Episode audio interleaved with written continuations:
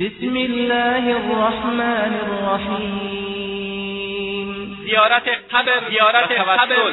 و توسل. قل إن صلاتي ونسكي ومحياي ومماتي لله رب العالمين.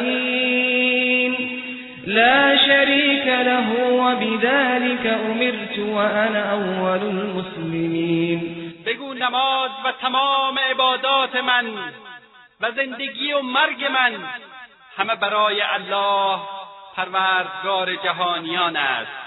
همتایی برای او نیست و به همین معمور شدهام و من نخستین مسلمانم. زیارت قبر و توسل. الله خالق و روزی دهنده و بخشنده تمامی نعمتها و یکتا و یگانه هست. چگونه انسان به خود اجازه می‌دهد که به سوی مخلوقی همچون خود متوجه آیا می‌دانید برای چی آفریده شده اید؟ وما خلقت الجن والإنس إلا ليعبدون.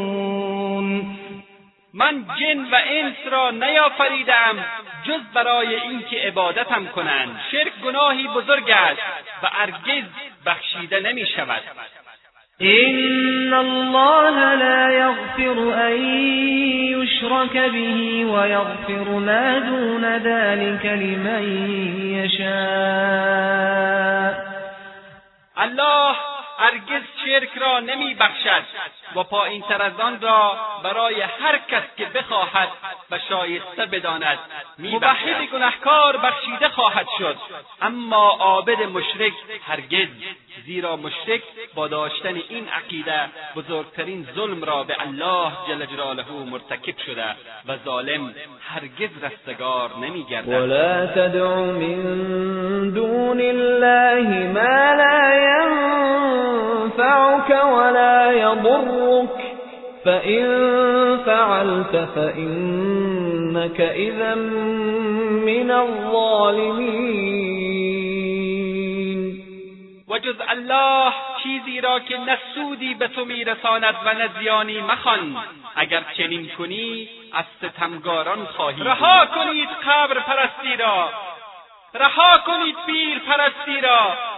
رها کنید زیارتها و بارگاهها را. رها کنید قبر پرستی را. مگر نشنیده اید که پیامبر صلی الله علیه و آله و سلم از گچکاری و تزیین قبور و نشستن بر آن و ساختن بنا و گنبد و بارگاه بر روی آنها نهی فرمودهاند. رها کنید قبر رها کنید پیر پرستی را پس برادران و خواهران مسلمان. بترسید از روزی که يوم لا ينفع مال ولا بنون. إلا من أتى الله بقلب سليم. روزی که مال و فرزندان سودی نبخشد مگر کسی که با دلی پاک نزد الله بیاید. بترسید از روزی که برای حساب و کتاب حاضر شوید در آن روز وجاءت كل نفس معها سائق وشهيد و هر نفسی را فرشتهای برای حساب و کتاب به حشر بکشاند و فرشته دیگری به اعمال نیک و بدش گواهی دهد. امروز این سخنان را نمیشنوید و یا باور نمی کنید و یا فراموش می کنید آیا غافلید؟ آیا حقیقت را نمی بینید لقد كنت في غفلة من هذا فكشفنا عنك غطاءك فبصرك اليوم حديد. براستی از این امر در غفلت بودی. پس امروز پرده را از جلو چشمانت برداشتیم که امروز چشمانت تیز بین است. سلسله توحید سلسله برادر عزیز و خواهر گرامی. مرگ به سراغ همه ما آمدنی است. هیچ کس نمی‌تواند از مرگ فرار کند. و بعد از آن مسیر هر یک از ما مشخص می شود موحدان و یک پرستان به باغی از باغهای بهشت و مشرکان و قبر پرستان و پیر پرستان و امام پرستان و زیارت پرستان به قهر جهنم می روند. حال انتخاب با شماست. بسم الله الرحمن الرحیم الحمد لله رب العالمین والصلاة والسلام على نبینا محمد وعلى آله وأصحابه ومن دعا بدعوته إلى يوم الدين. أما بعد برادران و خواهران مؤمن مسلمان السلام علیکم و رحمت الله و برکاته الله جل جلاله پیامبران علیهم السلام را فرستاد تا انسانها را از شرک و گمراهی برای حق و نور الهی راهنمایی کنند. دعوت همه پیامبران الهی به سوی توحید و یکتاپرستی و هم و غم ایشان علیهم السلام از بین بردن بتپرستی شرک و بدعت بود. و در این راستا پیامبر محبوبمان محمد مصطفی صلی الله علیه و آله و صحبه و سلم زحمات فراوانی کشیدند و در این راه آزارها و اذیتهای فراوانی را متحمل گردیدند حتی تا آخرین لحظات عمر شریفشان از هدایت و راهنمایی امت غافل نبودند. به همین دلیل است که الله عزوجل رسول محبوبمان صلی الله علیه و آله و صحبه و سلم را چنین می ستاید. لقد جاءكم رسول من أنفسكم عزیز علیه ما عنتم عزیز علیه ما عنتم حریص علیکم بالمؤمنین رؤوف رحیم فإن تولوا فقل حسبي الله لا إله إلا هو. عليه توكلت وهو رب العرش العظیم به یقین پیامبری از خود شما به سویتان آمد که رنجهای شما بر او سخت است و اصرار بر هدایت شما دارد و نسبت به مؤمنان رهوف و مهربان است. اگر آنها از حق روی بگردانند نگران مباش. بگو خداوند مرا کفایت می کند هیچ معبودی به حق جز او نیست. بر او توکل کردم و او صاحب عرش بزرگ است. عزیز علیه ما عنتم. یعنی این پیامبر خیرخواه شماست و نمی‌خواهد که شما دچار رنج و مشقت بشوید. حریص علیکم.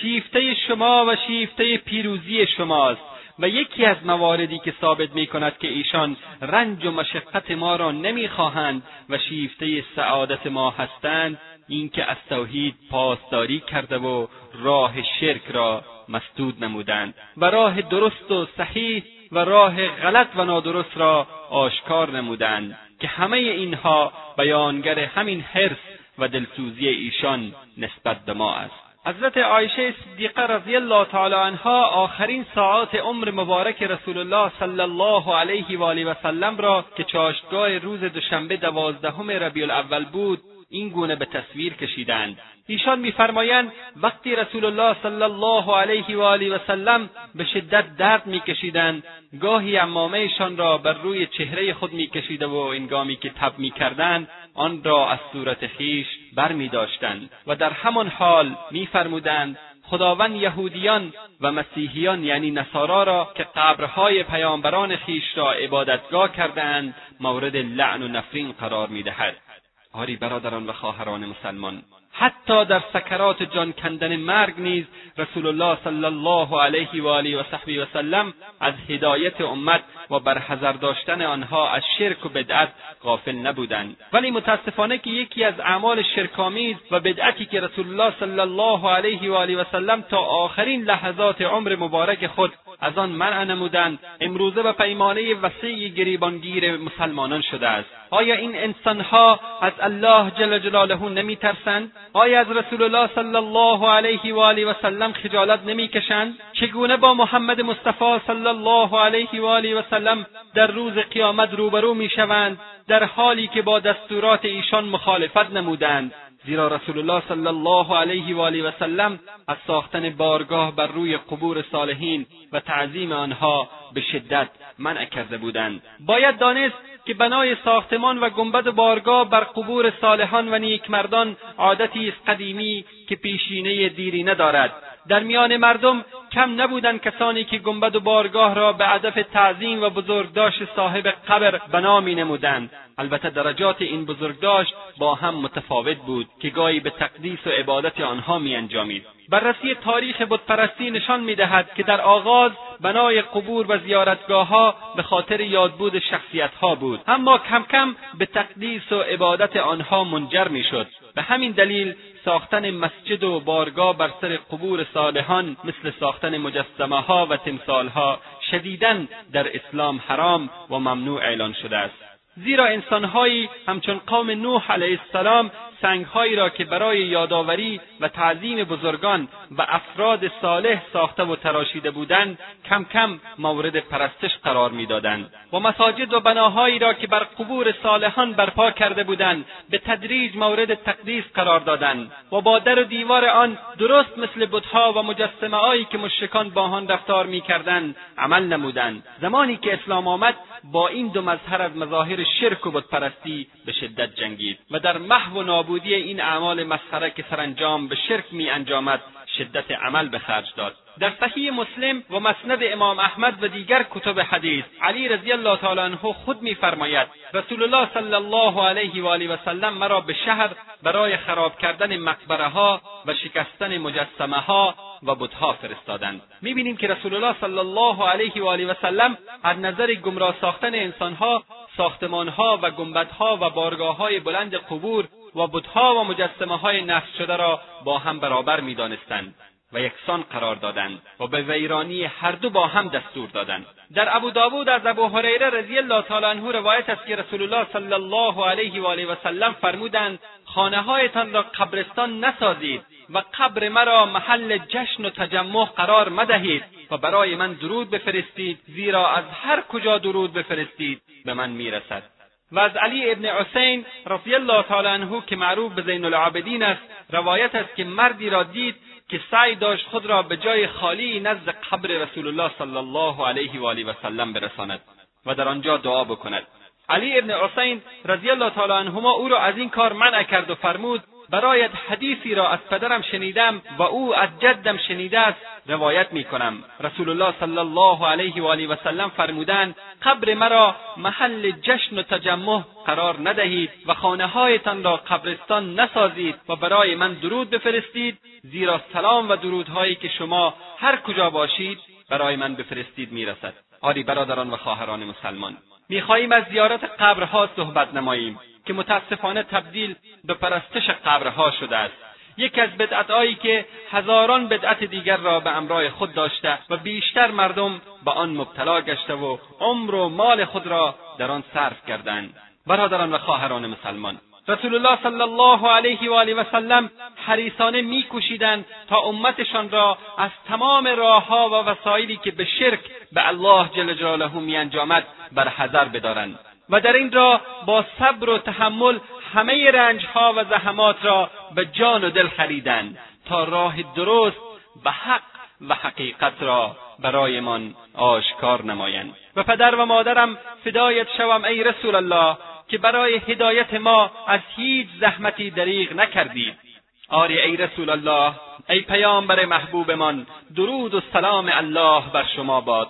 آمدید و تمام این گمراهی ها و خیال های واهی دوران جاهلیت را دیدید و از طرف الله جل جلاله معمور شدید که این اوضاع آشفته را سامان ببخشید و پروردگار مردم را به طور صحیح و شایسته همانطور که سایر پیامبران که درود الله بر شما و آنان باد به مردم شناساندند. آمدید تا الله جل جلاله را به مردم معرفی کنید و عهد بستید که تمام سختی ها شکنجه ها بلاها و رنج هایی را که در طول این راه می‌دیدید با جان و دل تحمل کنید. خون از بدن مبارکتان جاری شد.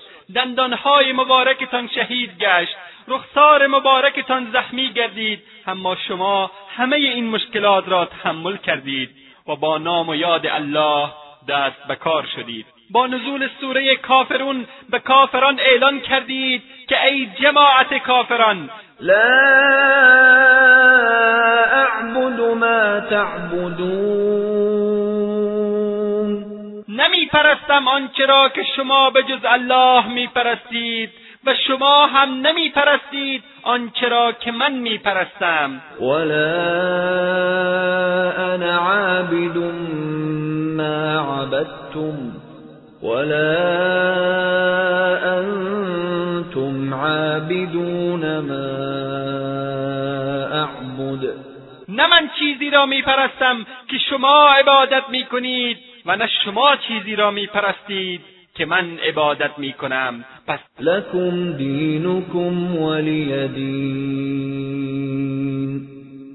دین خودتان برای خودتان و دین من برای خودم. و از همینجا جدایی عقیده و آیین اسلام را از کافران و مشکان مکه اعلان داشتید و روش عبادت خود را با روش عبادتشان جدا نمودید. دیدید یاران جان بازتان را اصحاب گران قدرتان را مقابل دیدگانتان با شیوه های وحشتناک و وحشیانه شکنجه می‌دهند. یاسرها و سمیه ها را زیر شکنجه به شهادت رساندند اما بلالها و خبابها و صحیبها و عمرها و غیره بمانند که چه بر سرشان آمد. سه سال تمام در شعب ابی طالب گرسنگی ها و سختی ها و مهنت ها مرگ ها ترس ها صدمه ها بلاها لطمه ها و مصیبت ها و مرگ امسر مهربانتان خدیجه رضی الله تعالی عنها شما را از هدفتان دور نساخت و همچنان پا بر جا و ثابت قدم بودید.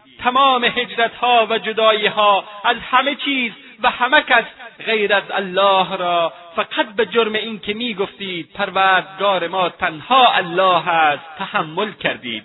ای رسول الله آمدید و تمام این تاریکی ها و سردرگمی های شرک و کفر را نابود نمودید و برای رشد درخت اسلام با خون پاک خود و اصحابتان آن را آبیاری نمودید.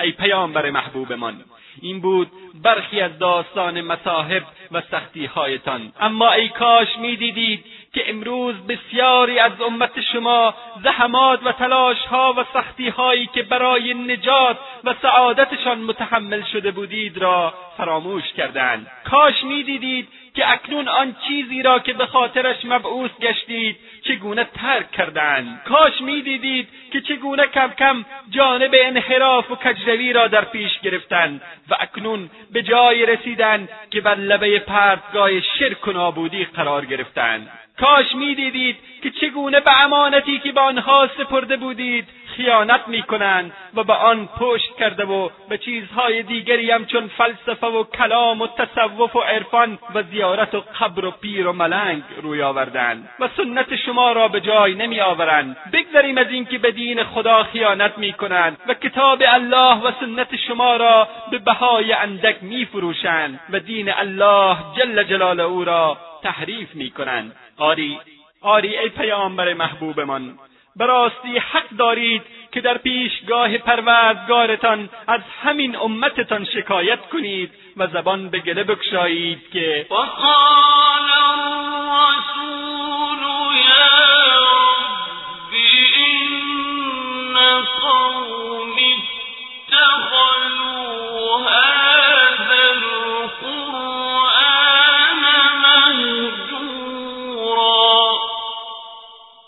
و پیامبر عرض می کند پروردگارا قوم من این قرآن را ترک کرده و از آن دوری گزیدند. آری ای رسول الله ای پیامبر محبوبمان می‌خواهیم آنچه را که به خاطرش مبعوث شدید که همانا عبادت و ارتباط مستقیم الله جل جلاله و نفی ارگون شرک و وساطت بین الله و بندگانش می باشد را به برادران و خواهران مسلمانمان بیان نماییم. شکی نیست که حکمت نهی کردن اسلام از بزرگداشت و تعظیم قبور جلوگیری از گام برداشتن به سوی شرک است چنان که در قوم نوح علیه السلام مشاهده می‌شد.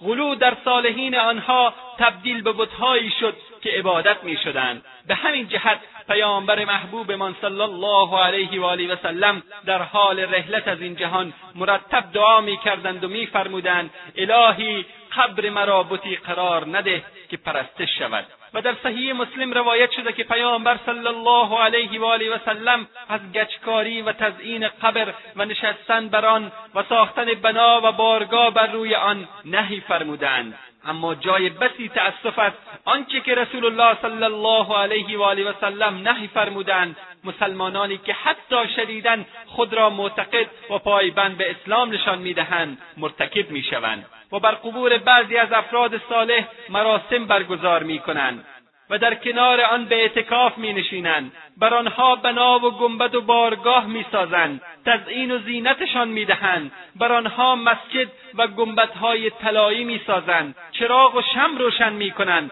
و در برابرشان خاضعانه ایستاده و احیانا نماز می خوانند و نظر می کنند خیراتها و صدقات خود را به حساب این زیارتها می ریزند در حالی که به زندگان فقیر و ندار چیزی از خیرات و صدقاتشان تعلق نمی‌گیرد. و یا همچون کعبه پیرامون آن تواف می‌کنند بر آن دست می‌کشند و میبوسند و حتی در برابرشان خاشعانه و نیازمندانه ایستاده و استغاثه نموده و سر به سجده میافتند و ادای قرض و گشایش سختیها و شفای مریض و طلب فرزند و پیروزی بر دشمنان و غیره را می‌خواهند. و برخی هم خواسته ها و حاجات خیش را برای صاحب قبر نه به صورت شفاهی بلکه کتبا به صورت نامه روی کاغذ می نویسند و این چنین دچار شرک می شوند. آیا آن امت اسلامی که برای امتهای دیگر برگزیده شده و بایستی نمونه و الگو و شاهد بر آنان قرار گیرد باید این چنین باشد؟ آیا ملتی که شعارشان توحید و لا اله الا الله هست و با همین شعار از دیگر ملتها جدا و شناخته می‌شوند باید چنین خصوصیاتی می‌توانند ادعای یکتاپرستی و یگانه پرستی و رهبری بشریت را داشته باشند؟ هرگز برادران و خواهران مسلمان. به دلیل اینکه بیشتر خرافات و بدعتها مانند پرستش قبرها و غلو در آن از مذهب باطل رافضه در بین مسلمانان سرایت کرده و روافض به دروغ خود را پیرو و شیعه ائمه اهل بیت می‌دانند. ما بران شدیم تا روایاتی از کتب شیعه به نقل از ائمه اهل بیت نقل نماییم تا حقیقت موضوع بر همه مسلمانان آشکار شود. در کتاب من لا یحضر الفقیه و وسایل شیعه از جعفر صادق رحمت الله علیه چنین نقل شده است. پیامبر صلی الله علیه و آله وسلم از اینکه بر قبری نماز بگذارند یا بر آن بنشینند و یا بر آن بنا و ذریح بسازند نهی فرموده است. و یهود و نصارا را لعنت نمودند که بر قبور انبیا مسجد ساختند. و در فروع کافی جلد سه صفحه 228 و من لا یحضر الفقی صفحه 821 و وسایل شیعه جلد دو صفحه 887 از سماعه بن مهران روایت است که گفت درباره زیارت قبور و ساختن مسجد بر آن از جعفر صادق رحمت الله علیه پرسیدم. ایشان فرمود زیارت قبور اشکالی ندارد اما در کنار قبر مسجد ساخته نشود. و همچنین در من لا یحضر الفقیه از جعفر صادق رحمت الله علیه روایت است که میفرماید هر چیزی که غیر از خاک خود قبر بر روی قبر گذاشته و یا ریخته شود بر مرده سنگینی می کند و در فروع کافی جلد سه صفحه دو و وسایل شیعه جلد دو صفحه 864 از جعفر صادق رحمت الله علیه روایت است که رسول الله صلی الله علیه و آله و سلم فرمودند جز خاکی که از خود قبر بیرون آورده شود خاک دیگری بر آن ریخته نشود. و در من لا یحضر الفقیه جلد یک صفحه 135 و وسایل شیعه جلد دو صفحه 868 از امیر المؤمنین علی رضی الله تعالی عنه روایت است که فرمودند کسی که قبری را بازسازی کند یا تمثالی بسازد یقینا و بدون شک از اسلام خارج شده و در وسایل شیعه جلد دو صفحه 869 و جلد سه صفحه 62 از جعفر صادق رحمت الله علیه روایت است که امیر المؤمنین علی رضی الله تعالی عنه فرمود رسول الله صلی الله علیه و آله و سلم مرا به مدینه فرستاد و فرمود هر عکسی را دیدی نابود کن و هر قبری را دیدی هموارش کن و در الاستبصار جلد یک صفحه 217 و وسایل شیعه جلد دو صفحه 869 از علی بن جعفر رحمت الله علیه روایت است که از موسی کاظم رحمت الله علیه پرسیدم آیا ساختن قبر و نشستن بر آن جایز است؟ فرمود ساختن قبر و نشستن بر آن و گچ کردن و گل کردن آن جایز نیست. اما مسلمانان امروزی خاصتا کسانی که ادعای محبت اهل بیت را دارند در قدم اول با امامان خود مخالفت می‌کنند. و با وجود این همه دلایل فراوانی که اسلام از زبان قرآن کریم و رسول الله صلی الله علیه و آله و سلم و صحابه و ائمه اهل بیت رضی الله عنهم اجمعین بیان داشته و در کتب معتبر خود آنها ذکر شده است که ما تنها چند روایت آن را ذکر کردیم تمام این دلایل را نادیده گرفته و بر قبور صالحان و بزرگان دین زیارتگاهها و بارگاهها ساختند. و در برافراشتن و ساختن بناها و ذرایح و آرامگاه های مجلل و با شکوه و مزین با هم به نزاع و مسابقه برخواسته و از همدیگر سبقت و پیشی می‌گیرند. تا جایی که بر اسمهای بیمسما در جاهای دور افتاده نیز زریحهایی و زیارتگاههایی ساخته شده و این زیارتها تبدیل شده به دکانی برای دزدی مال مردم جاهل و نادان به نام دین. و عدهای فرصت طلب با جمع شدن به گرد این مزارها به نام سید و خاجه و پیر و ملنگ و ایشان به گدایی یا بهتر بگوییم دزدی به نام دین مصروفند و سبب این همه شرک و گمراهی توسل و واسطه قرار دادن بندگان یا زیارتها و قبرها در نزد الله جل جلاله می باشد متوسل و دست به دامان شدن به غیر الله جل جلاله موضوع دیگری است که مانند پرستش قبر اسلام آن را شرک دانسته است. زیرا هیچ موجود دیگری مانند الله جل جلاله نیست و هیچ کسی قدرتی غیبی ندارد که بتواند همه جا حاضر و ناظر و قاهر و محیط بر همه چیز باشد که مردم در هر مکان و زمانی به او دسترسی داشته و هر وقت بخواهند متوسل شوند. اگر چنانچه موجودی در جهان دارای چنین صفاتی باشد العیاذ بالله همتای الله جل جلاله است. که این در اسلام کفر و شرکی آشکار می باشد انسان بایستی به ذاتی متوسل شود که مقید به مکان و زمان نباشد و خود خالق مکان و زمان و هر چیز بوده همه جا حاضر و ناظر آگاه به همه کارها و امور و همه چیز در دست او و مالک نفع و زیان باشد که این هم تنها مختص الله جل جلاله است و بس. و اگر کسی این صفات را به موجودی غیر از الله جل جلاله نسبت دهد مشرک است و به عبارت دیگر کسی که به غیر الله جل جلاله آگاهانه و یا از روی ندانستن متوسل شود دچار شرک شده است. قرآن کریم بیان می کند که توسل به غیر الله جل جلاله یک نوع انحراف عقیدتی و فکری از صراط مستقیم و شرک به الله جل جلاله می باشد. چنانکه میفرماید و من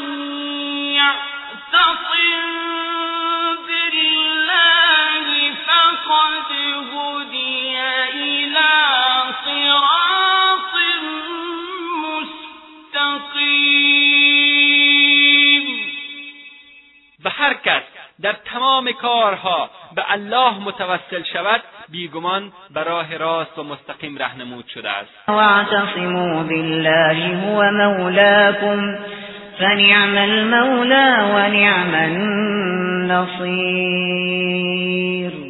و به الله متوسل شوید که او تنها سرپرست و یاور شماست و چه سرور و یاور نیک و چه کمک کننده خوبی است. پس با توجه به این حقایق هر کس که می‌خواهد راه راست و درست را طی کند و دین خود را برای الله جل جلاله خالص گرداند و تنها او را عبادت کند و خود را داخل در رحمتش نماید و الله عزوجل را مولا و یاور خود بداند باید که فقط به او تعالی متوسل شود و از غیر او دل ببرد و در غیر این صورت از راه راست و مستقیم منحرف شده و همتایی برای خداوند سبحان تراشیده و مشرک گشته است. و اما در مورد گرفتن وسیله برای نزدیکی به الله جل جلاله قرآن کریم میفرماید یا الذین آمنوا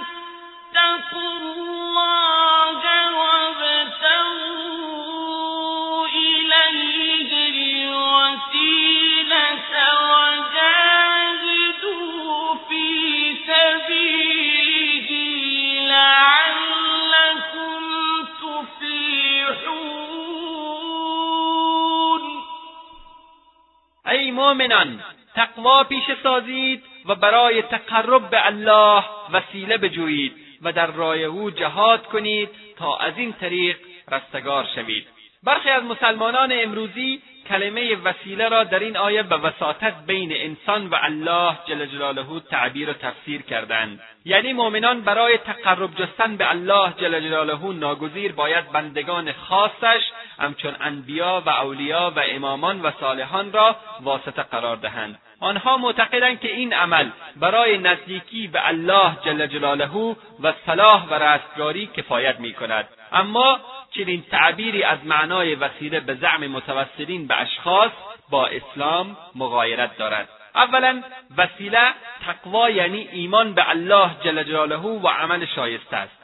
در توضیح آیه فوق آیات دیگری آمده که نشان می‌دهد نزدیکی به الله جل جلاله جز با ایمان به او تعالی و اعمال پاکیزه و پسندیده که موجب رضایت الله جل جلاله و تقرب به او میگردد به دست نمیآید.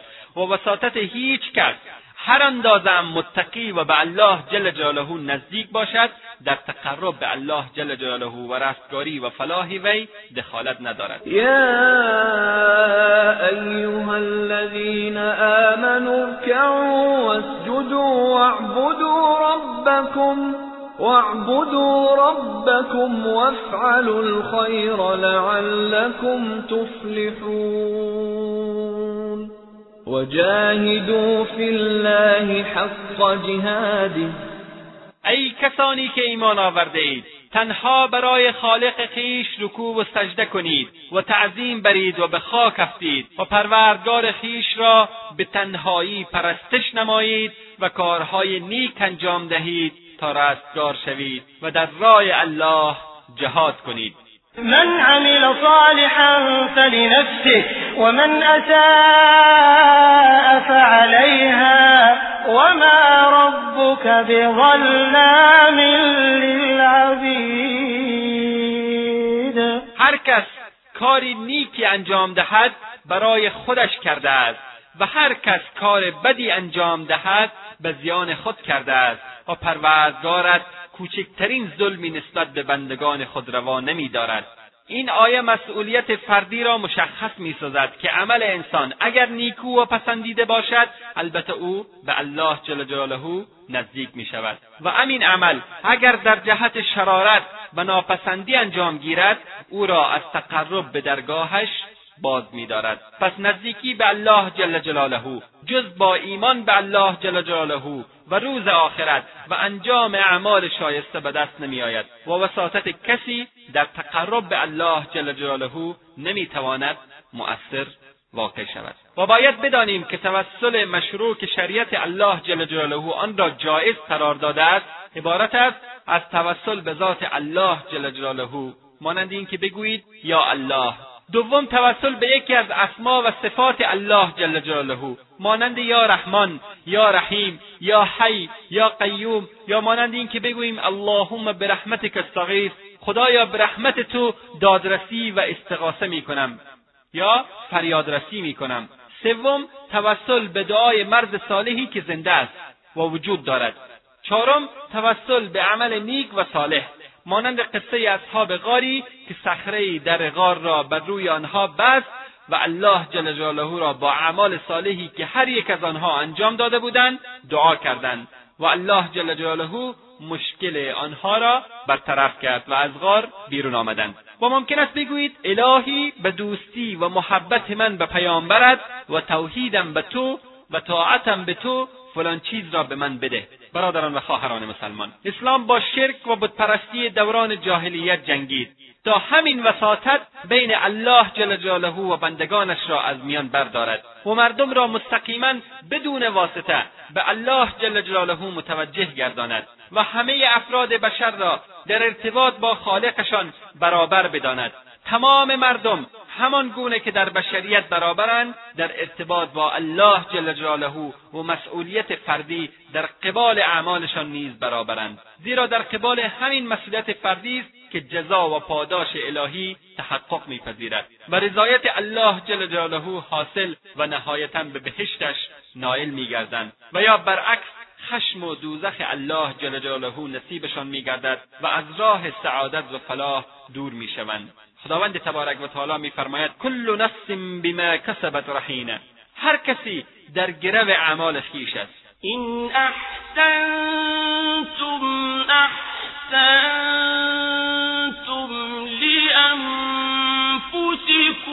وإن أسأتم فلها. اگر نیکی کنید به خودتان می‌کنید و اگر بدی کنید به خودتان بدی می‌کنید. ولا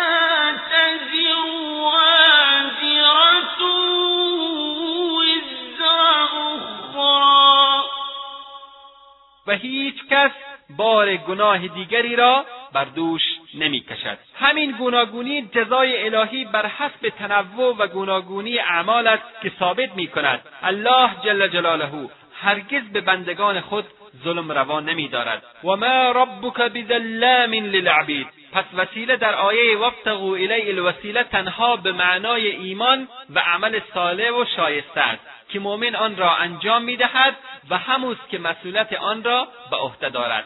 حال به بررسی دقیقتر آیه می‌پردازیم. این آیه ابتدا مؤمنین را مورد خطاب قرار می‌دهد. یا ایها الذین آمنو و مثل همیشه از آنها می‌خواهد که تقوا و پرهیزگاری پیشه کنند. اتقوا الله. و برای این کار بر آنها لازم می‌داند که وسیله و توشهای بجویند. وابتغوا الیه الوسیله. و در راهش جهاد و کوشش کنند. و جاهدوا فی سبیله. تا از غضب الله جل جلاله برهند و رستگار شوند. لعلکم تفلحون. زیرا منزلت متقین بالاتر از مؤمنین است. همان گونه که درجه مؤمنین از مسلمین بالاتر است. و این متقین هستند که نزد الله جل جلاله گرامیتر و رستگار به حساب میآیند.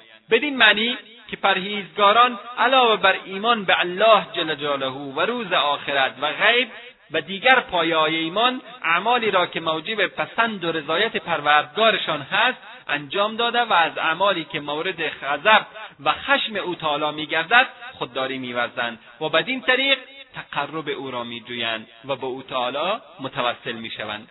نه به مرده توسل می‌کنند و نه قبری را زیارتگاه قرار می‌دهند. حتی از عبادت در کنار قبر نیز دوری می‌کنند. زیرا یکی از راههای بارز شرک به الله جل جلاله عبادت در کنار قبور است. به خاطر اینکه شما اگر در کنار قبر فلان انسان صالح الله جل جلاله را پرستش می‌کنید یقینا برای این کارتان انگیزه ای دارید. و انگیزش این است که چون این شخص اهل تقوا و صلاح بوده است بی تردید عبادت در مجاورت قبر او برای شما حامل برکت خواهد بود. این اعتقاد به تدریج در میان سایرین شیوع پیدا می کند و آنها زمین های مجاور قبور صالحین را زمین های مبارک و مقدس تصور می کنند و بدین صورت وارد مرحله شرک اکبر می گردند. پس وقتی عبادت الله جل جلاله در مجاورت قبور جایز نیست پس چگونه عبادت خود قبر جایز خواهد بود؟ قبر پرستان حتی دیوارها و به قول آنها حرم قبر و بناهای اطراف آن را مقدس و مبارک میپندارند و از آنها طلب حاجت می‌کنند و مرتکب اعمالی میگردند که انسان عاقل حتی تصور آن را هم نمی‌کند. در صحیح بخاری از صدیقه بنت صدیق محبوبه رسول الله صلی الله علیه و آله و سلم عایشه صدیقه رضی الله تعالی عنها روایت است که ام سلمه رضی الله تعالی عنها همسر پاک رسول الله صلی الله علیه و آله و سلم برای آن حضرت از کلیسایی که در حبشه دیده بود و در آن تصاویر وجود داشت تعریف می‌کرد. رسول الله صلی الله علیه و آله و سلم فرمودند آنان وقتی از میانشان انسانی صالح فوت می‌کرد بر قبرش مسجدی یعنی بارگاه و زیارتی می ساختند و در آن تصویرهای نقاشی می کردند. اینها بدترین خلق نزد خدایند. اینها دو نوع فتنه و گناه را با هم مرتکب می شدند یکی پرستش قبر دیگری تمثال و تصاویر. به خاطر امین بود که قبر رسول الله صلی الله علیه و آله و سلم را آشکار نکردند و ایشان را در خانه عایشه صدیقه رضی الله تعالی عنها به خاک سپردند تا مبادا قبر ایشان را سجدگاه قرار دهند. زیرا رسول الله صلی الله علیه و آله و سلم در آخرین لحظات زندگی و پس از عمری که نهال توحید را در دل اصحاب خود غرس نموده بودند باز هم به خاطر اهمیت والای این مسئله از آن غفلت نورزیدند و امتشان و به ویژه اصحابشان را از آن برحذر داشتند و یهود و نصارا را به خاطر ساختن مسجد و زیارت روی قبور انبیای خود نفرین کردند و خاطر نشان ساختند که این کار از گناهان کبیر است. تا مبادا امتشان به آن مبتلا بشوند. مسجد قرار دادن قبر سه صورت دارد. اول اینکه قبر را سجده بکنند و این زشترین صورت آنها و منتهی به کفر اکبر است. دوم اینکه به سوی قبر نماز بخوانند و هدفش سجده قبر نباشد بلکه قبر را وسیله قبول شدن نماز بداند. سوم اینکه قبر را داخل مسجد قرار بدهند. به خاطر همین قبر رسول الله صلی الله علیه و آله و سلم را در مکان عام و در میان سایر مسلمانان و مردگان قبرستان بقی قرار ندادند تا مبادا نسلهای بعدی آن را سجدگاه قرار بدهند. که این یکی از حکمتهایی است که قبر پیامبر صلی الله علیه و آله و سلم در داخل حجره حضرت عایشه صدیقه رضی الله تعالی عنها وجود دارد. علت دیگری نیز برای این کار وجود داشت. وان حدیثی بود که ابوبکر صدیق رضی الله تعالی عنه از رسول الله صلی الله علیه و آله و سلم نقل کردند که پیامبران در هر قطع زمینی که وفات کنند در همانجا باید دفن شوند. برخی از مسلمانان میپندارند که قبر رسول الله صلی الله علیه و آله و سلم داخل مسجد ایشان قرار داده شده است. در حالی که چنین نیست بلکه قبر ایشان داخل حجره عایشه صدیقه رضی الله تعالی عنها است که در آن زمان بیرون محوطه مسجد بوده است. و صحابه رضی الله عنهم اجمعین نیز به خاطر همان وصیت رسول الله صلی الله علیه و آله و سلم که فرمودند قبر مرا مسجد قرار ندهید سه دیوار یکی بعد از دیگری میان قبر و مسجد رسول اکرم صلی الله علیه و آله و سلم ساختند و اکنون که مسجد گسترش پیدا کرده ظاهرا این طور به نظر می‌رسد که قبر آن حضرت صلی الله علیه و آله و سلم داخل مسجد قرار دارد در حالی که چنین نیست. این آخرین وصیت رسول الله صلی الله علیه و آله و سلم بود که این مسلمانان قبر مرا مسجد قرار ندهید. ولی متاسفانه این کار در میان امت انجام گرفت. ساختن مساجد در کنار قبرها و ایجاد قبر در کنار مساجد از راه های شرک به الله جل جلاله می باشد که متاسفانه امروز بسیاری از مسلمانها گرفتار این مرض گشتند و یقینا وسیله چیزی منجر به خود آن میگردد. در صحیح مسلم روایت است که پنج روز قبل از وفاتشان رسول الله صلی الله علیه و آله و سلم فرمودند امتهای قبل از شما قبرهای پیامبران خیش را مسجد قرار می‌دادند. مواظب باشید که شما قبور را مساجد نگردانید. من شما را از این کار باز میدارم. بدین صورت رسول الله صلی الله علیه و آله و سلم در آخرین روزهای زندگیشان این کار را ممنوع اعلام کردند و کسانی را که چنین کردند لعن و نفرین نمودند و اگر کسی به طرف قبری فقط نماز بخواند بدون اینکه مسجدی بسازد باز هم مشمول همین حکم و همین لعن و نفرین ها می شود در مسند امام احمد رحمت الله علیه از ابن مسعود رضی الله تعالی عنه روایت است که رسول الله صلی الله علیه و آله و سلم فرمودند از بدترین انسانها هستند کسانی که انگام برپایی قیامت زنده باشند و همچنین کسانی که قبرها را مسجد قرار می‌دهند. بنابراین علما اتفاق دارند که صد راه چیزی که به شرک و به محرمات میانجامد فرض است. از این رو نماز خواندن در مسجدی که روی قبر یا در مجاورت آن ساخته شده است جایز نیست. چنانکه در تعلیقات امام بخاری رحمت الله علیه روایتی از عمر رضی الله تعالی عنه منقول است که ایشان انس رضی الله تعالی عنه را دید که کنار قبری نماز می‌گذارد. فرمود القبر القبر. یعنی مواظب باش که آنجا قبری وجود دارد. و این بیانگر آن است که نماز در کنار قبرها جایز نیست زیرا این عمل از وسایل و راههایی است که به شرک میانجامد. با توجه به این احادیث و روایات اندکی به حال مسلمانان امروزی بیندیشید. و ببینید که چگونه در شهرهای اسلامی گنبدهای بزرگ و شامخی روی قبرها می‌سازند و گرد آنها تواف مینمایند و نیازهای خود را عرضه میدارند و چه داستانهای دروغین در مورد اینکه قبر فلان بزرگ شفابخش و مستجاب الدعوات و باب الحوائج و غیره مزخرفات می‌باشد بیان می‌کنند. آنگاه غربت و بیکسی اسلام و دوری از سنت رسول اکرم صلی الله علیه و آله و سلم برایتان آشکار می شود. به ویژه وقتی ببینید که آنها این کارها را به نام اسلام و به نام توحید انجام می‌دهند واقعا غربتی که در زمان حاضر دامنگیر اسلام شده در هیچ زمانی دامنگیر آن نشده است. و اگر کسی آنان را از این کار باز دارد. او را متهم به افراط و نادانی و عدم درک اسلام می کنند در حالی که او آنها را به سوی الله عزوجل می‌خواند و آنها او را به سوی آتش دوزخ دعوت می کنند حال ببینیم که با وجود من کردن رسول اکرم صلی الله علیه و آله و سلم این قبر پرستی و شرک و بدعت چگونه در میان مسلمانان گسترش پیدا کرد؟ یکی از اسباب این گمراهی غلو و افراد یا غل و افراد در مورد احترام و بزرگداشت بیش از حد قبور صالحین بود. زیرا آنها را به بتهایی که به غیر از الله جل جلاله پرستش می‌شوند تبدیل ساخت. در شریعت اسلام فرقی برای ساختار قبرها وجود ندارد.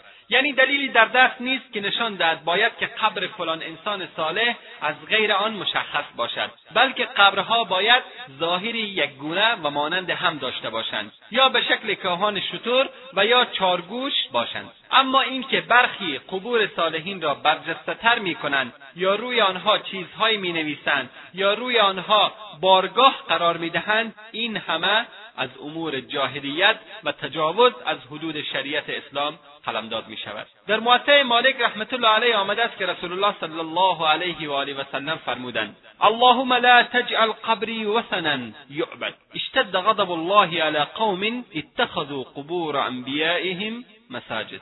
بار پس از من قبرم را بتی که مورد پرستش واقع بشود قرار مده. و افزودند که خداوند بر ملتی که قبور انبیای خود را مسجد قرار می‌دهند شدیدا خشم می‌گیرد. ابن جریر تبری از مجاهد رحمت الله علیه نقل کرده است که در مورد لات یکی از بتهای مشرکان که در آیه افرایتم اللات والعزا از آن ذکری به میان آمده فرموده است لات شخصی بود که برای حجاج آرد گندم و شیر تهیه می‌کرد. وقتی مرد در کنار قبرش جهت تعظیم وی ایستادند. ابوالجوزا از ابن عباس رضی الله تعالی عنهما نیز نقل کرده که لات برای حجاج هارد گندم و شیر فراهم می‌کرد و چون در میان قوم به عنوان شخص خیرخواه معروف شده بود پس از وفاتش در احترام و بزرگداشت او راه افراد و غلو را در پیش گرفتند و در کنار قبرش می ایستادند و معتقد بودند که قبرش باعث خیر و برکت است. و در رفع ضرر و جلب منفعت تاثیر دارد و غیر مزخرفات که قبر پرستان امروزی نیز به آن معتقدند. تا اینکه قبرش به بتی تبدیل گشت. یعنی همین غلو و افراد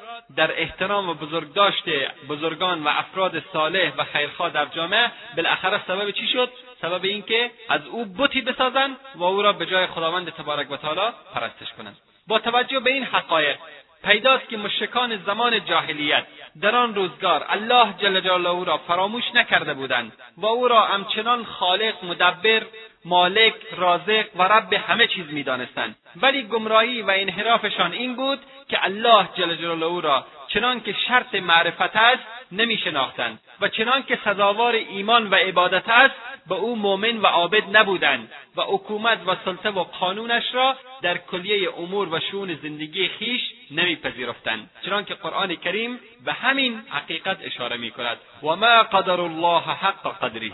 آنها الله جل جلاله را چنان که باید شناخته شود نشناختند به همین جهت مشرکان سعی می‌کردند که میان ایمان به الله جل جلاله و اعتقاد به بتها که اردو را داشتند جمع و رابطه برقرار سازند. و از همین رهگذر بود که می‌گفتند دعا به آسمان می‌رود ولی بدون واسطه پذیرفته نمی‌شود. آنها فکر می‌کردند که عالم بالا همانند عالم پایین و دنیای مادیشان هست. آنها فکر می‌کردند که عالم بالا مانند دستگاه های قدرت روزشان می باشد که بدون رشوه پارتی و واسطه بازی قربانی و صدقه و اعمال نیک و حرف کسی پذیرفته نمی شود در اثر این اشتباه به فکر واسطه بین الله جل جلاله و خلق افتادند تا بتوانند به وسیله آن واسطه ها دعا و حوایج خود را به الله جل جلاله برسانند و آنها را شریک دعای خود قرار دهند.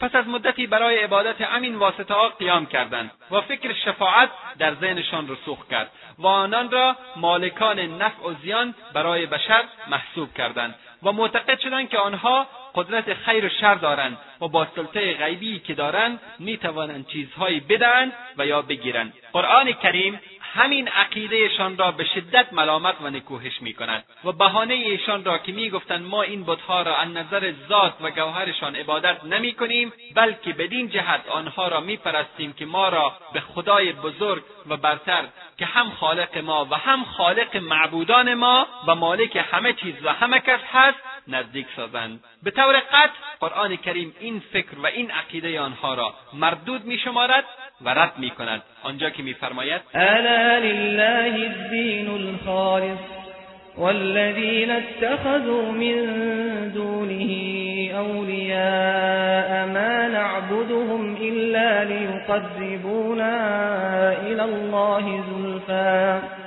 إن الله يحكم بينهم فيما هم فيه يختلفون إن الله لا يهدي من هو كاذب كفار. هان تنها عبادت خالصانه و بیشایبه از شرک برای الله است و بس. کسانی که جز الله یار و یاورانی را برمیگزینند و بدانان تقرب و توسل میجویند می‌گویند ما آنان را عبادت نمی کنیم مگر بدان خاطر که ما را به الله نزدیک گردانند. خداوند در روز قیامت میانشان و مؤمنان درباره چیزی که در آن اختلاف دارند داوری خواهد کرد. الله دروغگوی کفر پیشه را هدایت نمی کند اسلام آمد و در همان قدم اول لازم دانست که این عقاید و افکار خرافی را برچیند و به جای آن عقاید و افکار نو بر اساس و پایه محکم جایگزین سازد. لذا کار را با محرفی دقیق الله جل جلاله شروع کرد و بسیار مصمم بود که در همان لحظه ظهورش الله جل جلاله را به طور کامل و شایسته به مردم بشناساند. و چیزی که مقتضای این شناخت است دوباره برگرداند و تمام چیزهایی که در نزد مشرکین به جای الله جل جلاله و یا در کنار الله جل جلاله و یا واسطه الله جل جلاله قرار دادند را از بین ببرد و به همین جهت اعلان داشت الله لا شریک و برتر و در ذات خود یگانه و یکتاست. بسم الله الرحمن الرحیم. قل هو الله احد بگو ای محمد به آنان اوست الله یگانه. الله الصمد. الله بینیاز است. لم یلد ولم یولد. نه فرزند زاده و نزاده شده است. ولم یکن له کفوا احد. و هیچ کس همتای او نبوده و نیست. و در رد ادعای باطل مشرکین و قبر پرستان میفرماید قل أرأيتم ما تدعون من دون الله أروني أروني ماذا خلقوا من الأرض أم لهم شرك في السماوات؟ ايتوني بكتاب من قبل هذا أو أثارة من علم إن كنتم صادقين. بگو آیا دقت کرده اید درباره چیزی که به جز الله به فریاد می‌خوانید و عبادت می‌کنید؟ به من نشان دهید چه چیزی از زمین را خلق کرده اند یا اصلا در خلقت و گردش و چرخش آسمان ها مشارکتی داشتند کتابی پیش از این قرآن یا یک اثر علمی برای من بیاورید اگر راست می‌گویید. همچنین اسلام اعلان کرد که مالک الله جل جلاله است فقط و تمام چیزهایی که در آسمان ها و زمین قرار دارند ملک او تعالی اند. السماوات والأرض والله على كل شيء قدير. پادشاهی آسمان ها و زمین فقط از الله است و الله بر همه چیز تواناست. همچنین اسلام اعلان کرد که الله جل جلاله در رزق و روزی دادن شریکی ندارد و رازق همه موجودات است. يا أيها الناس اذكروا نعمة الله عليكم هل من خالق غير الله يرزقكم من السماء والأرض لا إله إلا هو فأنا تؤفكون ای مردم نعمتی را که الله به شما عطا فرموده یادآور شوید. آیا جز الله خالق دیگری وجود دارد که شما را از آسمان و زمین روزی برساند؟ جز او الهی وجود ندارد. پس با این حال چگونه منحرف و گمراه می‌شوید؟ همچنین اسلام اعلان کرد که غیر از أو تعالی رب ولی و حاکم دیگری وجود ندارد. قل اغیر الله اتخذ ولیا فاطر السماوات والارض وهو یطعم ولا یطعم. قل إني أمرت أن أكون أول من أسلم. ولا تكونن من المشركين. بگو آیا غیر از الله را سرپرست و یاور خود برگیرم؟ در حالی که او آفریننده آسمان ها و زمین است و او رزق می‌دهد و رزق داده نمی شود بگو به من امر کرده شده است. که نخستین مسلمان باشم و فرموده شد به من که نباش از جمله مشرکین. و همچنین اسلام اعلان کرد که الله جل جلاله در علم و آگاهی همتایی ندارد. این الله یعلم و انتم لا تعلمون. الله می‌داند و شما نمی‌دانید. و همچنین اسلام اعلان کرد که تنها اوست که میمیراند و تنها او تعالی زنده میگرداند. الله الذي خلقكم ثم رزقكم ثم يميتكم ثم يحييكم. هل من شركائكم من يفعل من ذلكم من شيء؟ سبحانه وتعالى الله ذاتی است که شما را آفریده سپس به شما روزی بخشیده است.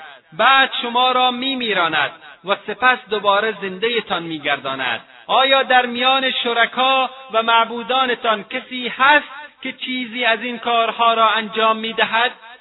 الله دورتر و برتر از این است که برایش شریک قائل شوید. همچنان اسلام اعلان کرد که هیچ کس جز الله جل جلاله دعا و فریادها را نمیشنود و اجابت نمی کند امن یجیب المضطر اذا دعاه ویکشف السوء ويكشف السوء ويجعلكم خلفاء الأرض أإله مع الله تذکرون نه بلکه می‌پرسیم کیست که به فریاد مضطر و درمانده می‌رسد و بلا و گرفتاری را برطرف می‌کند هرگاه او را به کمک بطلبد و شما انسانها را جانشین در زمین می‌سازد. آیا معبود دیگری با الله هست؟ واقعا شما بسیار کم پند می‌گیرید. ذلك بأن الله هو الحق وأن ما يدعون من دونه الباطل وأن الله هو العلی الكبیر این بدین خاطر است که فقط الله حق است و هر آنچه که غیر از او می‌خوانند باطل هستند و تنها الله بلند مرتبه و بزرگوار است. همچنین اسلام اعلان کرد که پناه دهنده فقط الله است. قل من بیده ملکوت کل شیء وهو یجیر ولا یجار علیه این کنتم تعلمون. سيقولون لله قل فأنا تسحرون.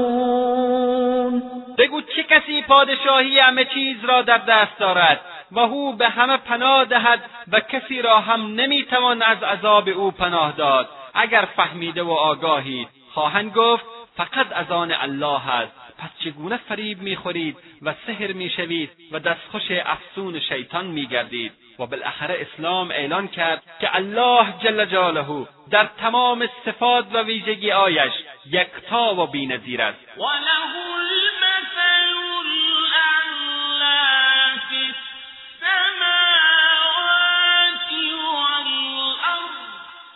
و بالاترین وصف و صفات در آسمان ها و زمین متعلق به الله لیس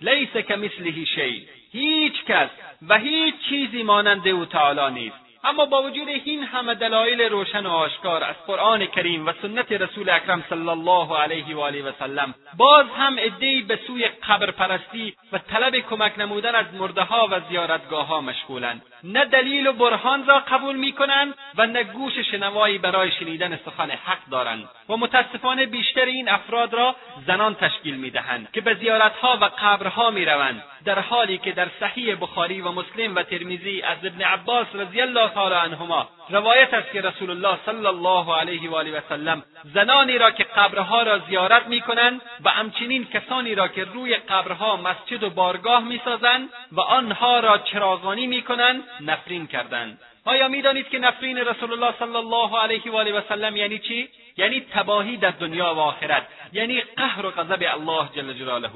جالب است بدانید که رسول الله صلی الله علیه و آله و سلم پیش بینی نموده بودند که عدهای از این امت گمراه شده از شیطان پیروی نموده بتها را خواهند پرستید. چنانکه دیدیم بسیاری از تازه مسلمانها بعد از رسول الله صلی الله علیه و آله و سلم مرتد شدند و به عبادت شیطان روی آوردند. و عبادت شیطان یعنی عرفشنوی از او و روی گردانی از دین الله جل جلاله. چنانکه میفرماید الم اعهد الیکم یا بنی آدم الا تعبدوا الشیطان؟ انه لكم عدو مبین آیا حکم نفرستاده بودیم به سوی شما ای اولاد آدم که مپرستید شیطان را که وی دشمن آشکار شماست؟ پیروی از شیطان و از دستوراتش یعنی شرک ورزیدن به الله جل جلاله و ترک ایمان و ارتکاب گناه. که اینها همه جزو عبادت شیطان محسوب می شود همچنین فرموده است قال الذين غلبوا على امرهم لنتخذن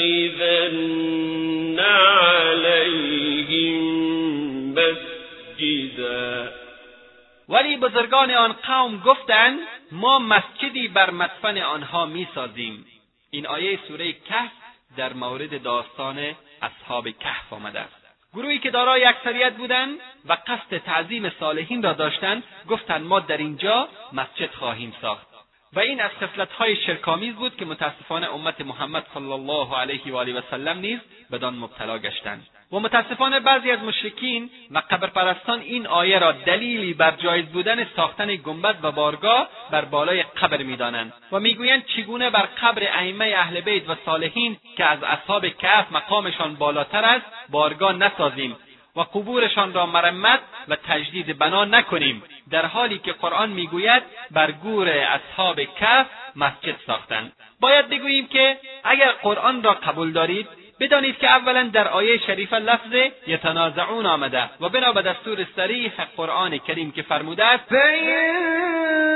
تنازعتم في شيء فردوه إلى الله فردوه إلى الله والرسول إن كنتم تؤمنون بالله واليوم الآخر.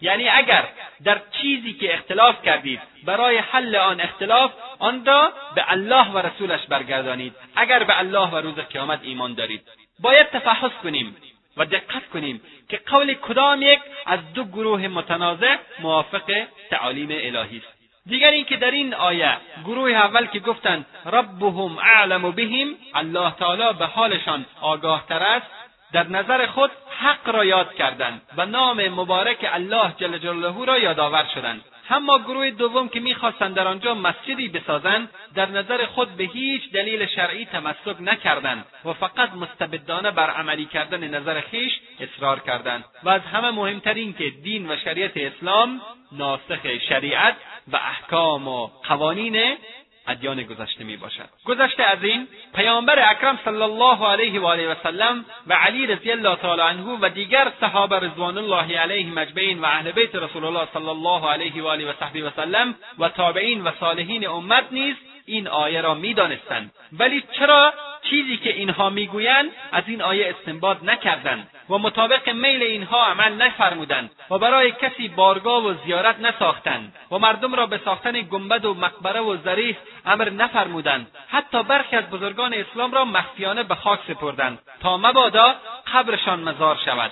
همچنین از تعمیر و تزئین قبور نهی میفرمودند. آیا مقام حضرت حمزه سید الشهدا که در رکاب پیامبر صلی الله علیه و آله و سلم شهید شد از فلان سید و فلان امام و فلان خاجه و فلان پیر کمتر بود که پیامبر صلی الله علیه و آله و سلم برای آن بزرگوار مزار و گنبد و بارگاه نساختند ثانیا در آیه لفظ مسجد آمده.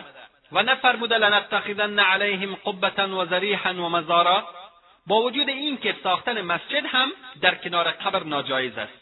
ولیکن آیا این همه مقبره و گنبد و بارگاه در ایران و عراق افغانستان و پاکستان که بر قبور ائمه و حتی فرزندان و نوادگان آنها و صالحین و طالحین ساخته شده است و تعدادی از آنها در مکانهای دور افتاده و صعب العبور قرار دارد و مردم برای زیارتشان رنج سفر را به جان می‌خرند. مسجد است یا زیارتگاه؟ یا مسجد چیز دیگری است؟ آیا ذریح و بارگاه امام رضا در مشهد و معصومه در قم و حسین رضی الله تعالی عنه در کربلا و سخیجان در مزار شریف و شاه دوشمشیره و تمیم انصاری در کابل مسجد است؟ و از همه مهمتر این که فرزن سخن آنها را قبول کنیم که مسجد ساختن در کنار قبور جایز است.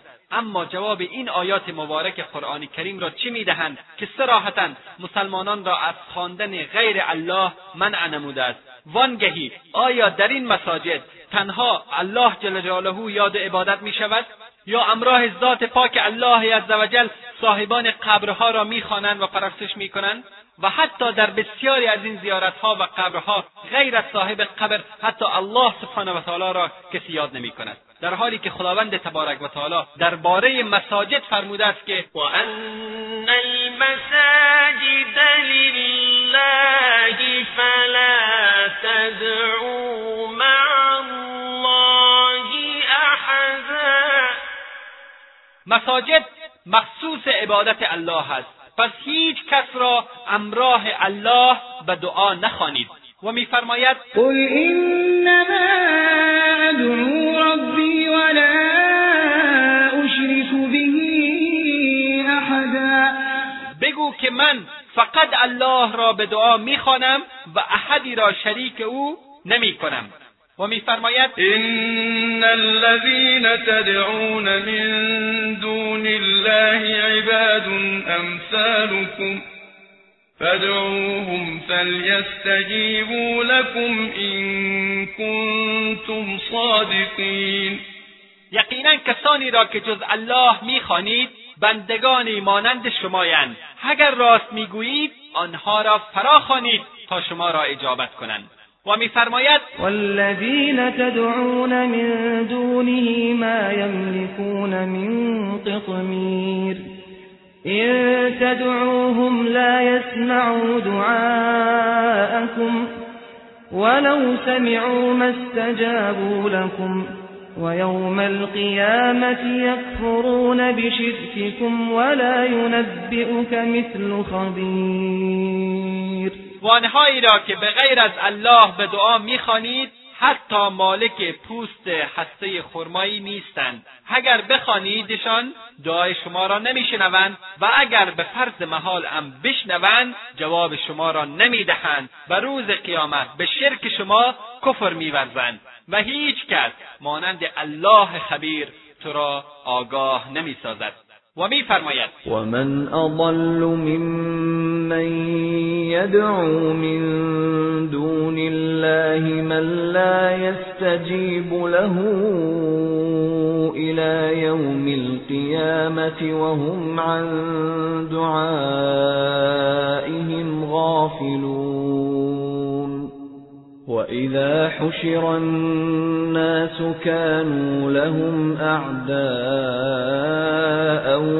وكانوا بعبادتهم كافرين و چه کسی گمراه تر از آن است که غیر از الله کسی را به دعا می‌خواند که تا قیامت او را اجابت نمی کند و آنان از دعای ایشان بیخبرند و اینگامی که مردم در روز قیامت محشور می‌شوند آنان دشمن ایشانند و عبادتی را که ایشان کردهاند انکار می‌کنند.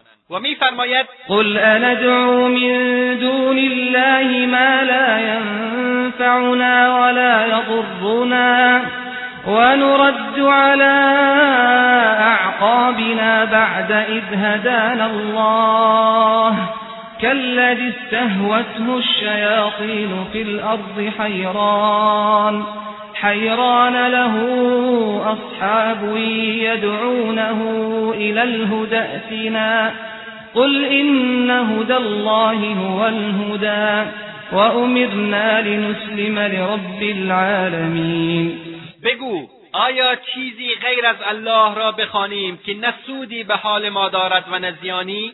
و آیا پس از آن که الله ما را هدایت بخشیده است به عقب برگشت کنیم و دوباره مشرک شویم؟ همچون کسی که شیطان او را در بیابانها حیران و سرگردان به دنبال خود کشند برای وی یارانی است که او را به سوی راه راست می‌خوانند که به سوی ما بیا بگو ای پیامبر بیگمان هدایت همان هدایت الهی است. و بگو دستور یافتهایم به اینکه تسلیم پروردگار جهانیان باشیم. یعنی خالصانه او را عبادت کنیم و کسی را با وی شریک قرار ندهیم.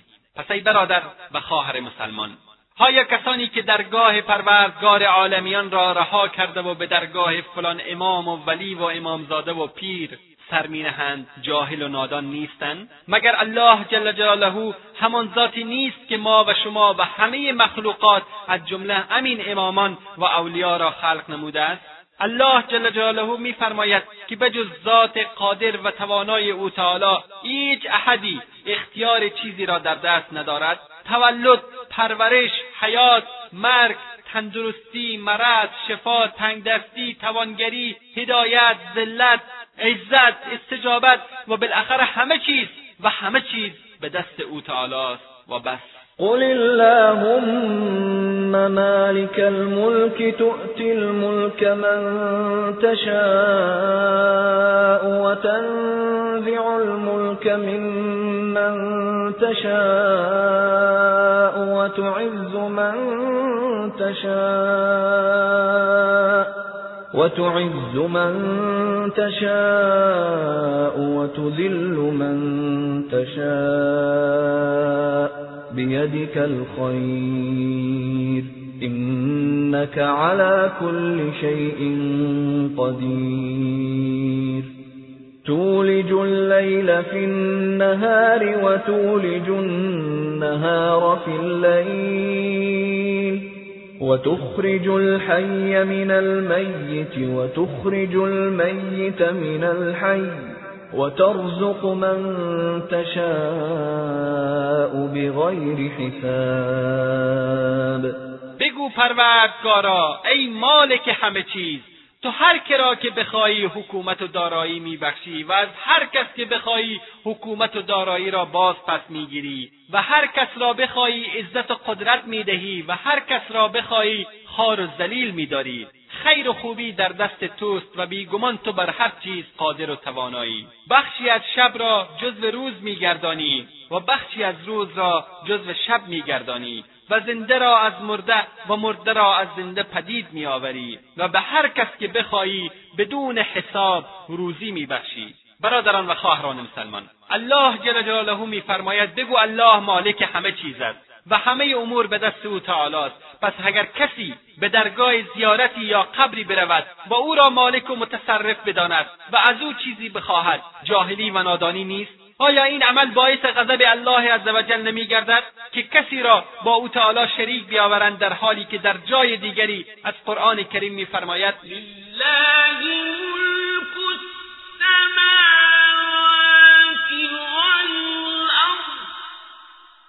يهب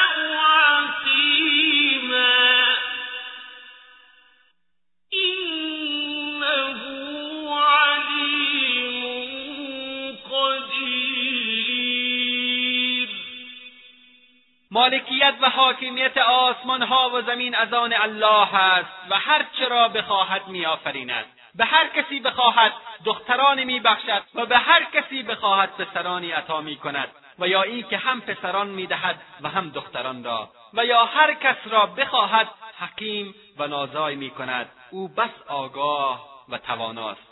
اما متاسفانه امروزه بسیاری از مسلمانان فرزند مال و ثروت و همه چیز را از قبرها و زیارتهای فلان امام و امامزاده و پیر و ولی می‌خواهند. واقعا انصاف و مروت مشرکین زمان جاهلیت بیش از انصاف مردم امروزی بود. آنها فقط خوبی و نجات و فریادرسی را به معبودان خیالی خود نسبت می‌دادند. اما مردم امروزی یا قبرپرستان امروزی بدی و گرفتاری و بیماری و آفت و مصیبت و ورشکستگی را به الله جل جلاله نسبت می‌دهند و در مقابل خوبیها را به زیارتها و قبرهای خود نسبت می‌دهند. مثلا می‌گویند خداوند فلان کس را مریض کرد اما پس از تندرستی می‌گویند فلان مرده و فلان زیارت یا فلان پیر و ملا یا سید او را شفا داد. خداوند به فلان کس فرزندی نداده است. اما پس از اعطای فرزند می‌گویند صاحب فلان قبر به او فرزندی بخشیده است.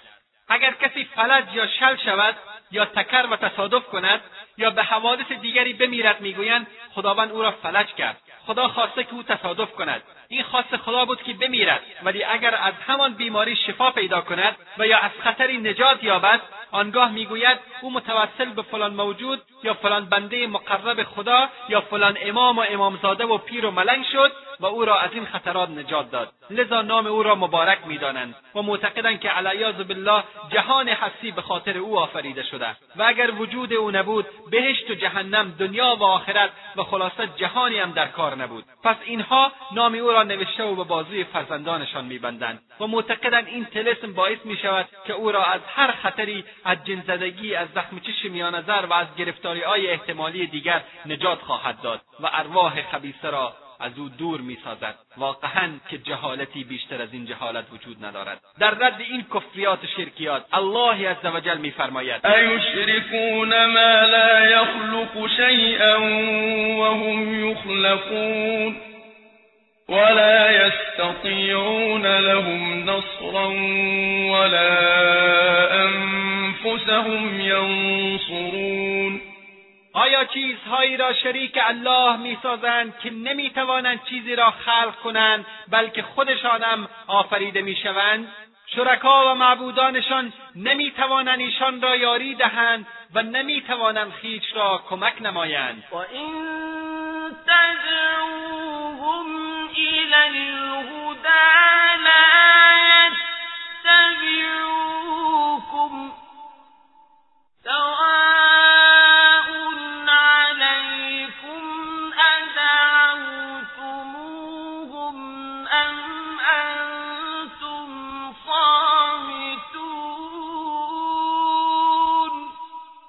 شما اگر معبودانتان را به فریاد خوانید تا شما را هدایت کنند و راه را به شما نشان دهند پاسخ شما را نمی‌توانند بدهند و خواسته هایتان را نمی‌توانند برآورده سازند. برایتان یکسان است. خواه آنان را به فریاد بخوانید و خواه خاموش باشید و نخوانید. ان الذين تدعون من دون الله عباد امثالكم فادعوهم فليستجيبوا لكم إن كنتم صادقین به کسانی را که به غیر از الله به فریاد می‌خوانید بندگانی مثل خودتان هستند. پس آنها را بخوانید اگر راست می‌گویید باید به شما پاسخ دهند. می‌بینیم که این آیات ادعای کسانی را که خیال می‌کنند افرادی غیر از الله جل جلاله هستند که می‌توانند با آنها فرزندی عطا کنند. چگونه مردود و محکوم به شرک می کند و می‌گوید آنان خود هم نمی‌توانند برای خود کاری بکنند. تا چه رسد به شما؟ یعنی اگر خودشان دارای فرزندی نشدند و الله جل جلاله نخواهد به آنها فرزند ببخشد چه کار می‌توانند بکنند؟ یا اگر خودشان مریض شوند به چه کسی پناه می‌برند؟ قرآن نشان می‌دهد پیامبران الهی و امامان و زیارتها همه کسانی که امروز مردم به آنها متوسل می‌شوند و از آنها طلب فرزند و حاجت و یا شفای مریض می‌کنند خودشان از الله جل جلاله درخواست فرزند مینمودند نه از غیر او. چنان که درباره زکریا و ابراهیم علیه السلام میفرماید هنالك دعا زكريا ربه قال رب هب لي من لدنك ذرية طيبة إنك سميع الدعاء. در آنجا زکریا پروردگارش را خواند و چنین دعا کرد. پروردگارا از جانب خود به من فرزند پاکی عطا فرما که بیشک تو شنونده دعایی. و از زبان ابراهیم علیه السلام در آیه 80 سوره شعرا که میفرماید و اذا مرضت فهو یشفین. و هرگاه من مریض شدم هموست که مرا شفا میبخشد. یعنی فقط الله سبحانه و تعالی شفا میبخشد. و همچنین میفرماید آنان که از دنیا رفته و مردند نمی‌دانند چه زمانی برانگیخته می‌شوند پس چگونه می‌توانند از احوال و نیات و فریادهای بندگان الله آگاه باشند؟ والذین یدعون من دون الله لا يخلقون شيئا وهم يخلقون اموات غیر احیاء وما يشعرون ایان یبعثون آن کسانی را که به جز الله به فریاد می‌خوانید پس نمی‌توانند چیزی را خلق کنند بلکه خودشان خلق می‌شوند. پس آیا باید مخلوقات ضعیف و امنو خود را به فریاد بخوانید یا خالق همه شما و کائنات را؟ آنها مردهاند و زنده نیستند و نمی‌دانند که هم خود و هم بندگانشان چه وقت زنده و برانگیخته می‌شوند. برادران و خواهران مسلمان الله جل جلاله بندگان را ارشاد و راهنمایی کرده تا فقط او را بخوانند و غیر از او را نخوانند و وعده به اجابت داده است. آنجا که میفرماید و اذا سالك عبادی عنی فانی قریب. اجیب دعوت الداع إذا دعان. فلیستجیبوا لی وليؤمنوا بی لعلهم یرشدون و انگامی که بندگانم از تو درباره من بپرسند من نزدیکم و دعای دعا کننده را انگامی که مرا بخواند پاسخ می‌گویم. پس آنان هم دعوت مرا بپذیرند و به من ایمان بیاورند تا باشد که آنان راه یابند. و فرموده است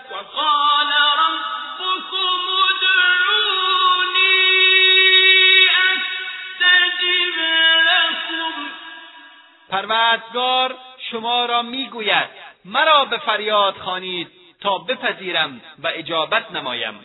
بله الله جل جلاله میفرماید مرا بخوانید اجابت می‌کنم و نفرموده که بروید واسطه بیاورید تا شما را بپذیرم.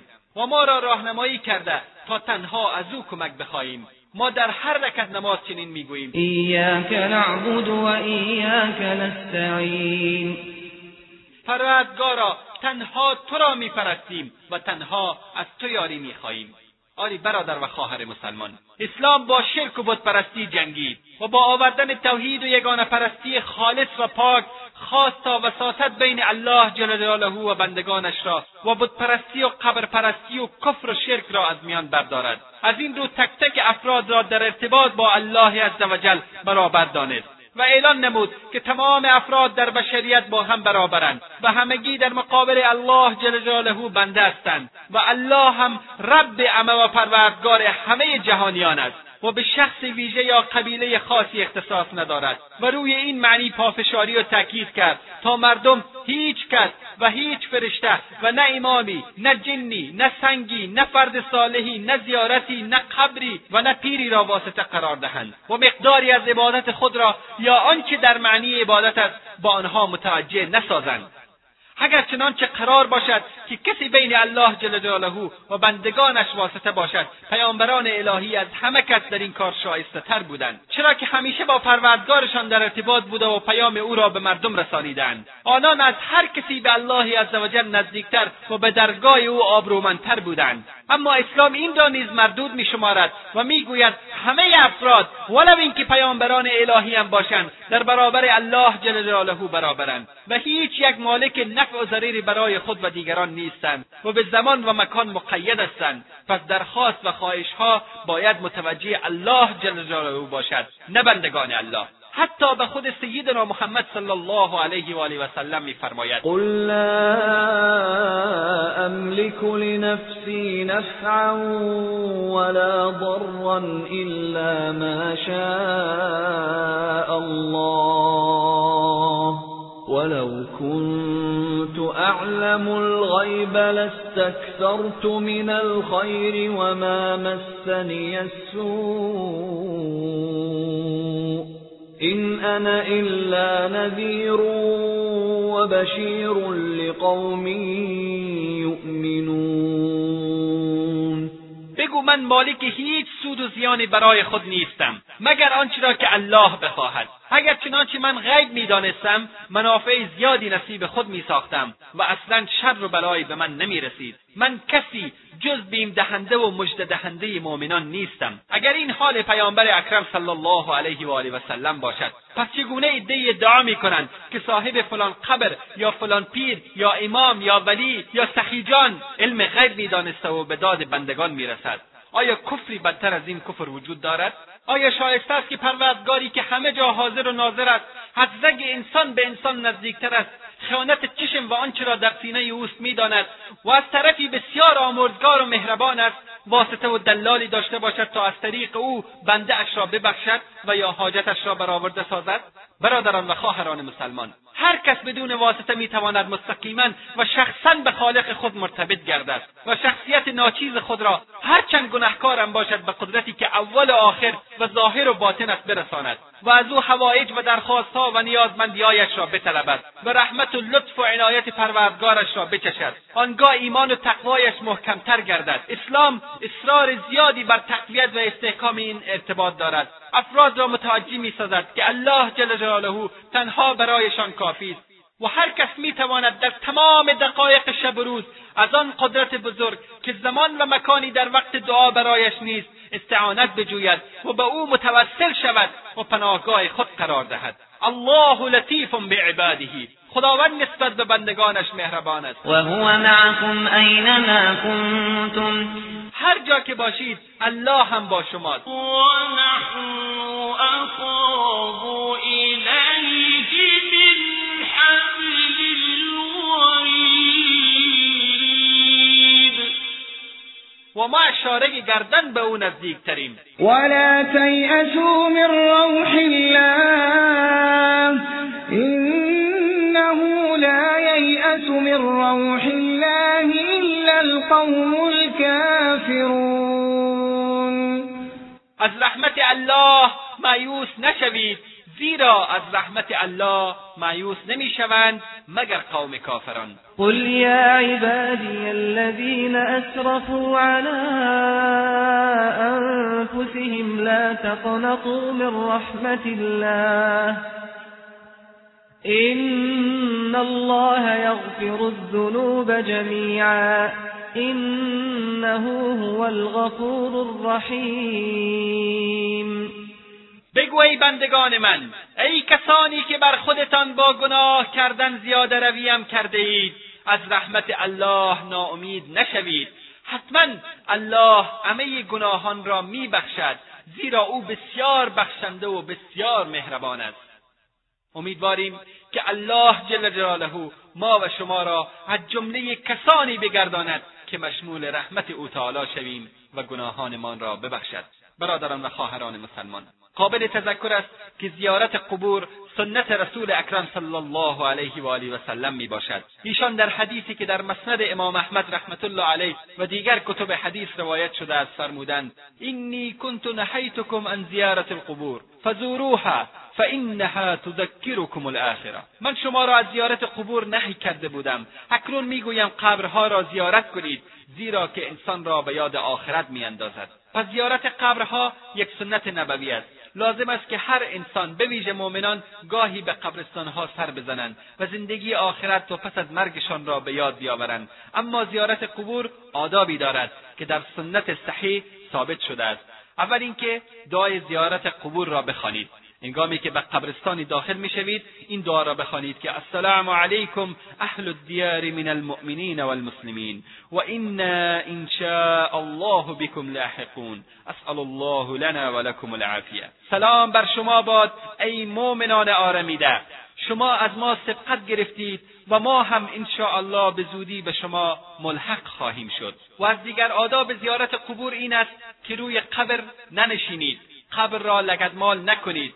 در قبرستان نماز نخوانید. از یاد الله جل جلاله غافل نشوید. از مردگان کمک و نیاز نخواهید. و در پایان دعا می‌کنیم که بار الها جامعه اسلامی ما را از وجود تمام موانع توحید و اسلام خالص محمدی و دلهایمان را از تمام کدورتها و شرک و بدعتها و زنگارهایی که چه بسا مانع رسیدن به الله جل جلاله گردیده پاک گردان و امت اسلامی را به وسیله از قرآن کریم و سنت رسول الله صلی الله علیه و آله و سلم امتی قوی و توانا و با عزت بگردان. آمين. وآخر دعوانا أن الحمد لله رب العالمين وصلى الله على سيدنا وحبيبنا محمد وعلى آله وصحبه وسلم. والسلام عليكم ورحمة الله وبركاته.